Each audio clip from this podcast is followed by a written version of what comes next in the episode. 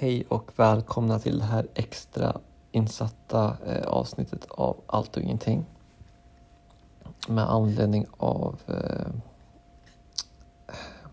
amendment, am, amendment, amendment, ja whatever.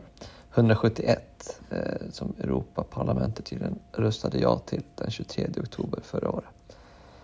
Eh, och jag läser här då här från Oatlys hemsida om att om förslaget skulle bli verklighet kommer att få stora konsekvenser för alla som vill äta och dricka mer hållbart.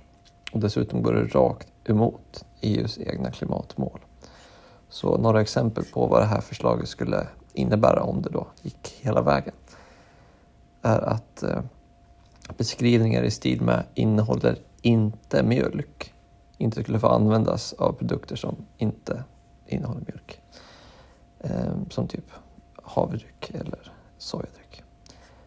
Ehm, Växtbaserade produkter får inte sägas vara alternativ till mejeriprodukter, även när de är det. Så alternativ till smör till exempel får man inte säga längre.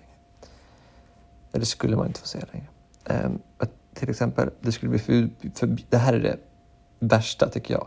Det skulle bli förbjudet att göra klimatjämförelser och andra jämförelser också. Uh, jag vet inte vilka exakt, men mellan växtbaserade produkter och mejeriprodukter. Så de får inte säga att det är till exempel 75 procent mindre koldioxidutsläpp om man dricker havredryck mot vanlig komjölk, vilket åh, jag blir så irriterad.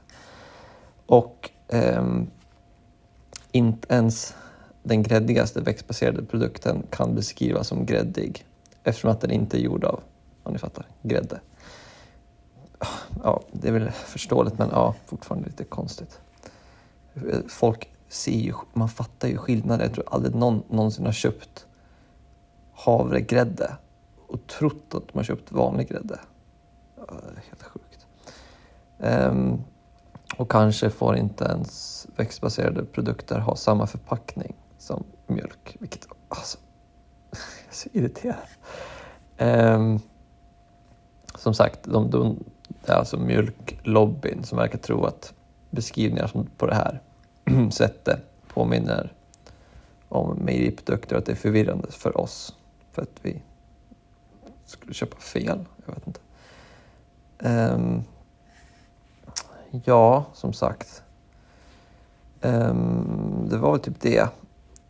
Men det verkar inte som att det har gått hela vägen än. Och det jag vill att ni ska göra, om ni tycker samma som jag, att det här är helt sjukt, är att ni går in på länken i beskrivningen av det här avsnittet och skriver under helt enkelt. Det är väl det vi kan göra just nu. Tack så jättemycket för att...